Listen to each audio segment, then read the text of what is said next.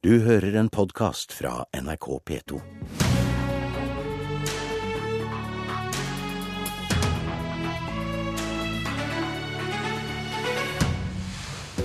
En likestillingsminister som ikke vil gå i 8. mars-tog, møter LO-leiren som skal toge mot regjeringa sin politikk.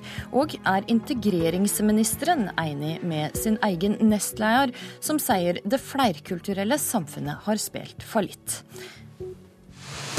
God morgen, dette er Politisk kvarter. Medan kvinnesakskvinnene maler sine paroler til 8. mars, holder regjeringa på å sluttføre ny arbeidsmiljølov. På søndag skal LO-leiren gå i tog under parola hun mener er den viktigste likestillingssaka, nemlig nei til endring av arbeidsmiljølova. Og Gerd Kristiansen, hvorfor er kampen mot arbeidsmiljølova de viktigste likestillingssak? Det er den viktigste likestillingssaka for oss, oss, akkurat nå.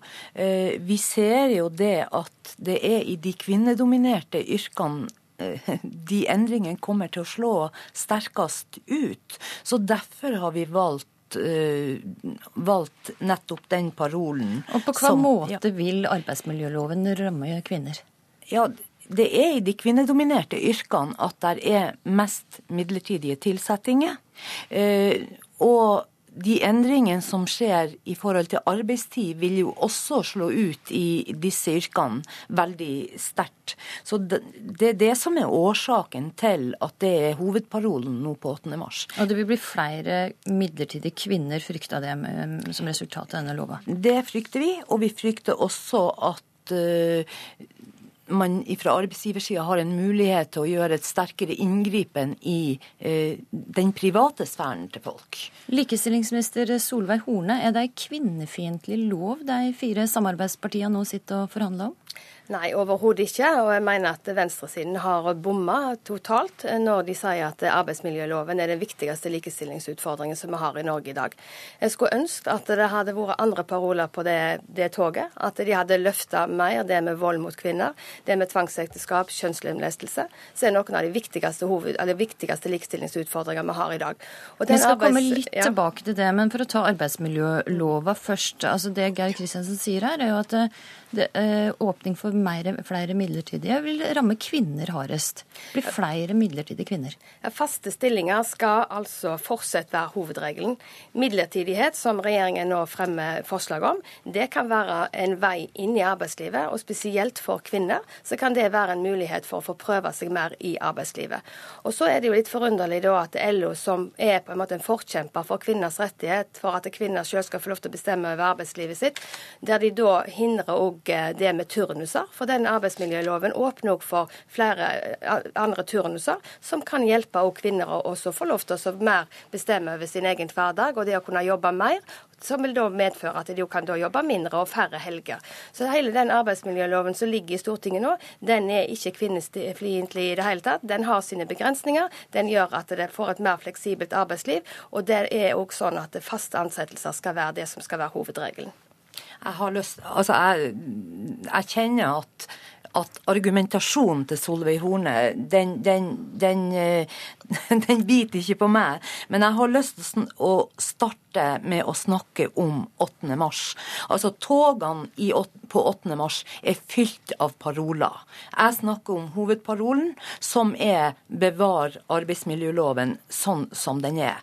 Det er én ting jeg og Solveig Horne er veldig enige om, og det er at skal man bli likestilt i samfunnet, så må man være i stand til å kunne forsørge seg sjøl. Eh, og hvis man starter der, eh, og både snakker om midlertidige tilsettinger og deltid, så ender vi fort opp med at hele faste stillinger er det som må være grunnlaget i norsk arbeidsliv. Vi har 8% over nesten 10% midlertidige tilsettinger per i dag. Og det aller meste det befinner seg i helse- og sosialsektoren, i hotell og restaurant. Altså alle disse yrkene der det er mest kvinner. Hvis vi er enige om at det å være selvforsørgende er en av de viktigste kampene også vi skal ta mm. for likestilling, så må du jo òg la veldig mange flere kvinner få lov til å prøve seg i arbeidslivet i dag. Det er mange som står utenfor arbeidslivet, som trenger å komme seg inn og få prøve seg. Det gjelder minoritetskvinner, det gjelder andre kvinner. For vi vet det at veldig mange kvinner har òg helserelaterte problemer som gjør at de jobber jobber, jobber, mindre. Og Med den ordningen nå med å få en større fleksibilitet, det å kunne få muligheter til flere ansettelse, midlertidige ansettelser, det vil altså kunne skape flere arbeidsplasser for kvinner.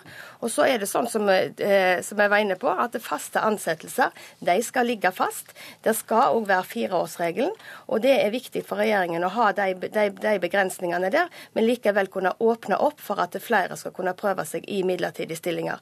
Og så må vi ikke glemme det som gjelder turnus Der er altså arbeidstakere som er organisert i både Fagforbundet og LO, som ber om å få lov til å jobbe andre turnuser. Der er LO og Fagforbundet de som faktisk hindrer at kvinner får lov til å få bestemme sjøl og litt mer over sin egen hverdag, det å kunne jobbe andre turnuser. men, men Solveig Horne, det er vel et faktum at også Likestillingsombudet har sagt at forslaget til arbeidsmiljølov som det har lagt fram, det er ikke kvinne det, det er kvinnefiendtlig. Ja, det, jeg har hørt det er mange som, som, er negative til dette. Men jeg mener at Også ditt eget ombud? Ja, både Likestillingsombudet og, og, LO sier det. Men likevel så er det ingen som har, kan klart si det at dette her vil være likestillingshemmende. Og jeg mener at det faktisk går andre veien. For det er flere kvinner nå som kan få prøve seg i arbeidslivet, vise hva de kan. Og som igjen så må vi ikke, må vi ikke stikke under en stol på det at de aller fleste som jobber i midlertidige stillinger i dag, de kommer òg over i faste stillinger. Så det er faste stillinger som skal ligge fast, men regjeringen ønsker at det skal være muligheter for flere midlertidige ansettelser. Og så er det også sånn at eh, På 8. mars så hoved, altså går hoved, flere av hovedparolene mot regjeringa sin politikk. Du mener de bomma. Hvor burde kvinnesakskvinnene vært eh, opptatt av? Nei, De burde ha løfta det med vold. Det er 10% av norske kvinner i dag som blir utsatt for vold og overgrep i nære relasjoner. Det er altså 69 000 jenter som hver eneste dag blir utsatt for tvangsekteskap. Det er 125 millioner som blir utsatt for kjønnslemlestelse. Det er paroler som både venstresida og høyresida burde ha stått sammen om og løfta. Det er et tema som jeg løfter i min likestillingsdebatt. Det er det jeg òg løfter internasjonalt. Okay. Og det er viktige saker som venstre- og høyresida burde stått sammen om å kjempe mot. Ok, Solveig Horne skal altså sjøl ikke gå i tog, men uh, si at det velger feil saker. Hva syns du om det? Ja, Det syns jeg jo er ganske spesielt. Eh, Solveig Horne og mange på høyresida burde ha engasjert seg mer i hvordan man, man markerer 8. mars.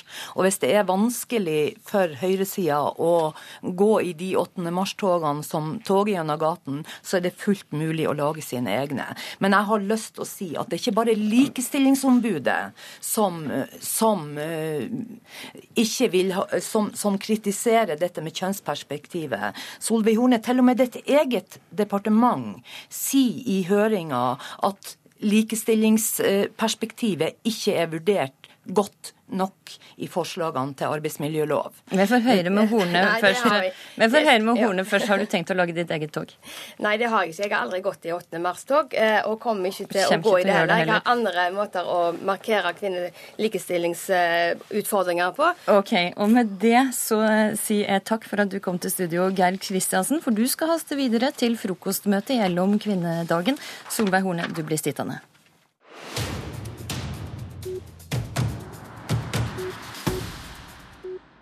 Debatten har gått høyt etter at Per Sandberg, nestleder i Frp, sa at det fargerike fellesskapet, det flerkulturelle samfunnet i Norge, har spilt fallitt.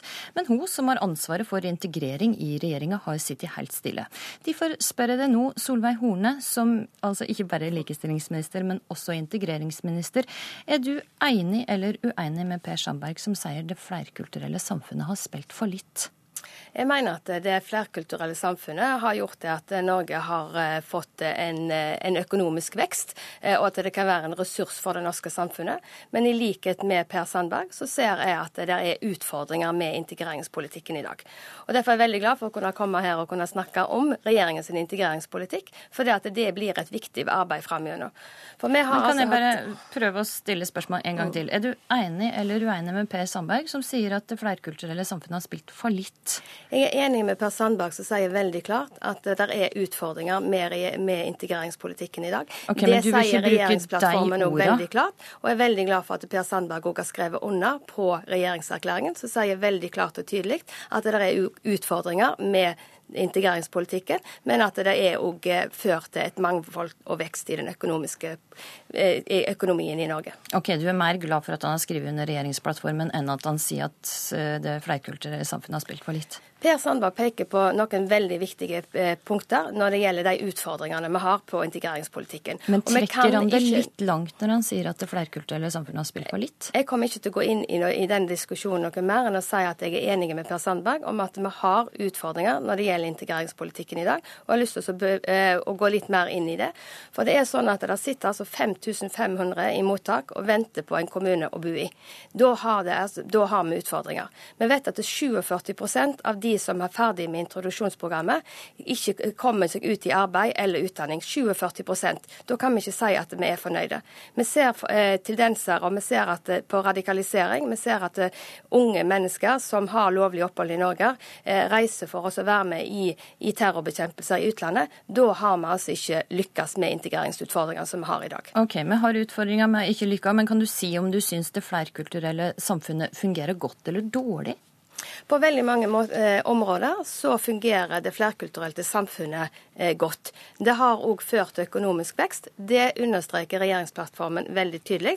Men som integreringsminister så har jeg ei oppgave, og det er å få bosatt de som har fått lovlig opphold. Og det å passe på at de som da skal bosettes, blir integrerte på en god måte, sånn at de er med og bidrar til samfunnet. At de får brukt sine ressurser. Da må vi som samfunn gi dem de verktøyene, både med språkopplæring, utdanning og arbeid. Og Hvis ikke vi klarer det, da får vi utfordringer som vi ser som ikke noen av oss liker.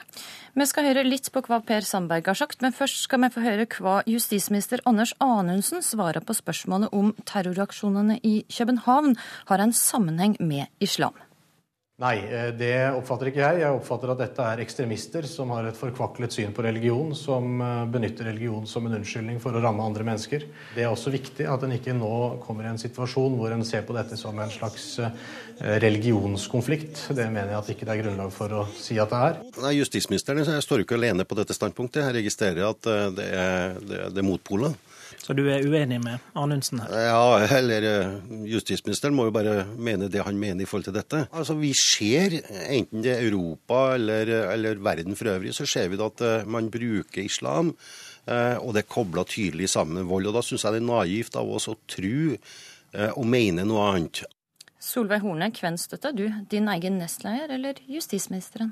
Det er forferdelig det som skjedde i København. Og det var et angrep på både ytringsfriheten, religion og minoriteter. Og det er kommet mye lenger, nærmere oss enn det vi, det vi, liker.